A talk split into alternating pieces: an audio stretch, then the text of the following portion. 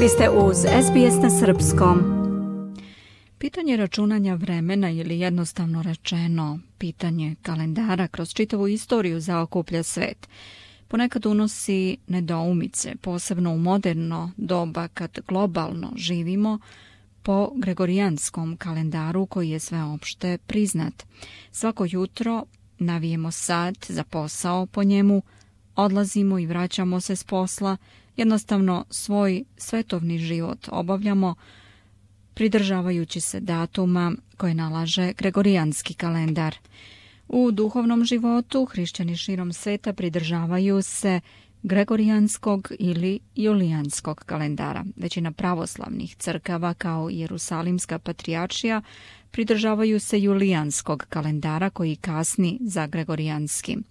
Hrišćanstvo je nastalo u vremenu kada se u celom tada poznatom svetu vreme računalo prema julijanskom kalendaru koji je dobio naziv po rimskom imperatoru Juliju Cezaru iz prvog veka pre Hrista.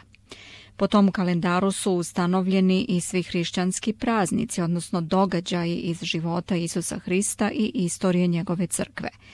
U prvim vekovima hrišćanstva posebna pažnja bila je posvećena pitanju praznovanja Vaskrsa hrišćanske pashe i ostalih pokretnih praznika.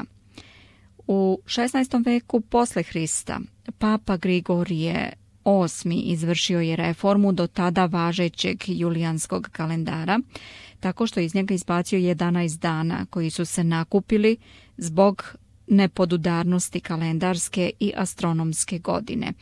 Taj novi kalendar se po papi Grigoriju nazvao Grigorijanski a kako je on nastao pod uticajem rimskog pape i uglavnom odmah bio prihvaćen od strane rimokatoličkog zapada, pravoslavni istok je ostao prema njemu rezervisan, te je tako nastala razlika u praznovanju onih hrišćanskih praznika koji su vezani za određene datume kao što je, na primjer, Božić ili Nikoljdan. Vremenom, za oko 300 godina, Razlika od 11 dana narasla je na 13 dana, koja i do danas postoji između starog julijanskog i novog grigorijanskog kalendara.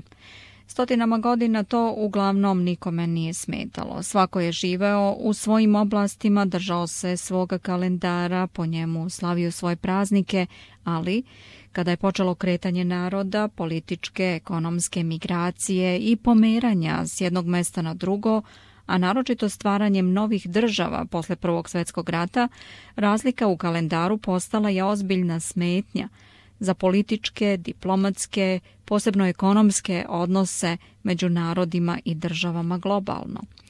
Kako je početkom ovog veka Zapad bio civilizacijski gledano napredniji i dominantniji, to je prihvatanje novog grigorijanskog kalendara bio vidljiv znak uključivanja u napredne svetske tokove. Tako je viđeno.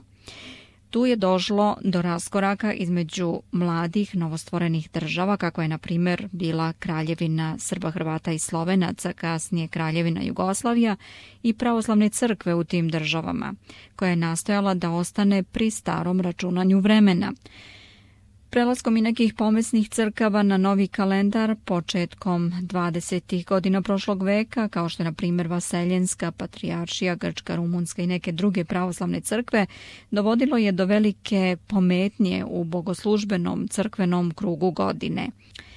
Tako i kada je novo stvorena država Južnih Slovena nastala posle Prvog svjetskog rata prihvatila novi kalendar za svoju administraciju, Srpska pravoslavna crkva zadržala je za svoju unutrašnju upotrebu stari julijanski kalendar, kao što su učinile i neke druge pomesne pravoslavne crkve, Ruska, Bugarska i Jerusalimska.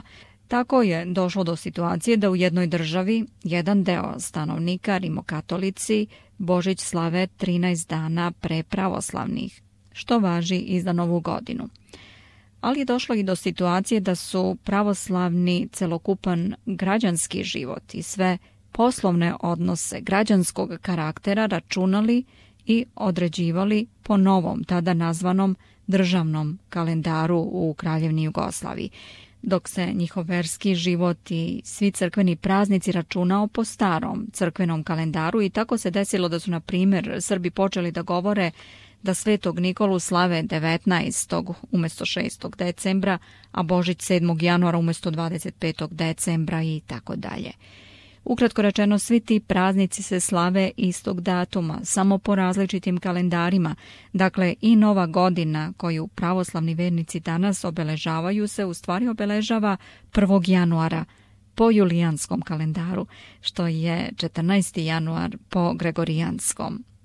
U vrijeme stvaranja kraljevine Srba, Hrvata i Slovenaca u crkvenoj štampi objavljeni su tekstovi u kojima se zahtevala reforma kalendara, uvođenje u crkvu narodnog jezika, skraćenje postova i bogosluženja, uvođenje drugog svešteničkog braka, učešće nižeg klera u sastavu sinoda i sabora, noženje civilnog odela, mogućnost da se i oženjeni sveštenici biraju za episkope, zatim ulazak sveštenika u arhijerejski sabor. Među autorima teksta prednjačio je bogoslov i kasnije ministar vera dr. Voja Janjić.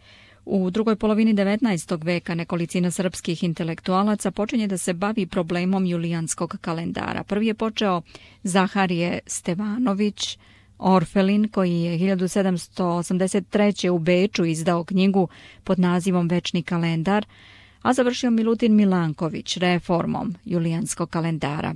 Profesor Milanković je prikupio svu raspoloživu građu, brižljivo je proučio zapažanja Maksima Trpkovića i reformisani julijanski kalendar – najtačniji, kako tvrde naučnici, bio je spreman za prezentaciju na Svepravoslavnom kongresu koji je bio održan u Carigradu 10. maja do 8. juna 1923. Delegaciju Srpske pravoslavne crkve su vodili mitropolit Crnogorsko-Primorski Gavrilo Dožić, kasnije patrijarh Srpski od 1938. i profesor nebeske mehanike Milutin Milanković, Srpska delegacija predložila je svoj reformisani kalendar. Kongres je reformi kalendara posvetio šest plenarnih sednica i šest komisijskih. Devet članova je učestvovalo u sesijama, šest episkopa, jedan arhimandrit i tri laika. Na ovaj kongres nisu došli predstavnici Ruske pravoslavne crkve koji su bili pod komunističkim režimom. Bugarska pravoslavna crkva zbog raskola sa Vaseljenskom patrijaršijom kao i predstavnici Antiohijske, Aleksandrijske i Jerusalimske patrijaršije. Kalendar Milutina Milankovića, po kome je razlika između stvarne godine i kalendarske samo dve sekunde, što je deset puta preciznije od gregorijanskog kalendara, jednoglasno je prihvaćen Milutin Milanković dobio specijalnu zahvalnicu, ali nažalost ova odluka se nije sprovela do kraja. Novi kalendar prihvataju Carigradska, Aleksandrijska i Antiohijska patrijačija, Grčka, Rumunska, Poljska, Pravoslavna i Bugarska crkva. Arhijerejski sabor Srpske pravoslavne crkve, koji je kalendar predložio, 1923. u septembru u Sremskim Karlovcima usvojio je u principu novi kalendar – ali je sprovođenje odloženo za vreme kada reformisani kalendar prihvate i primene i sve ostale pravoslavne crkve. I to principijelno prihvatanje traje do danas. Želite da čujete još priča poput ove? Slušajte nas na Apple Podcast, Google Podcast, Spotify ili odakle god slušate podcast.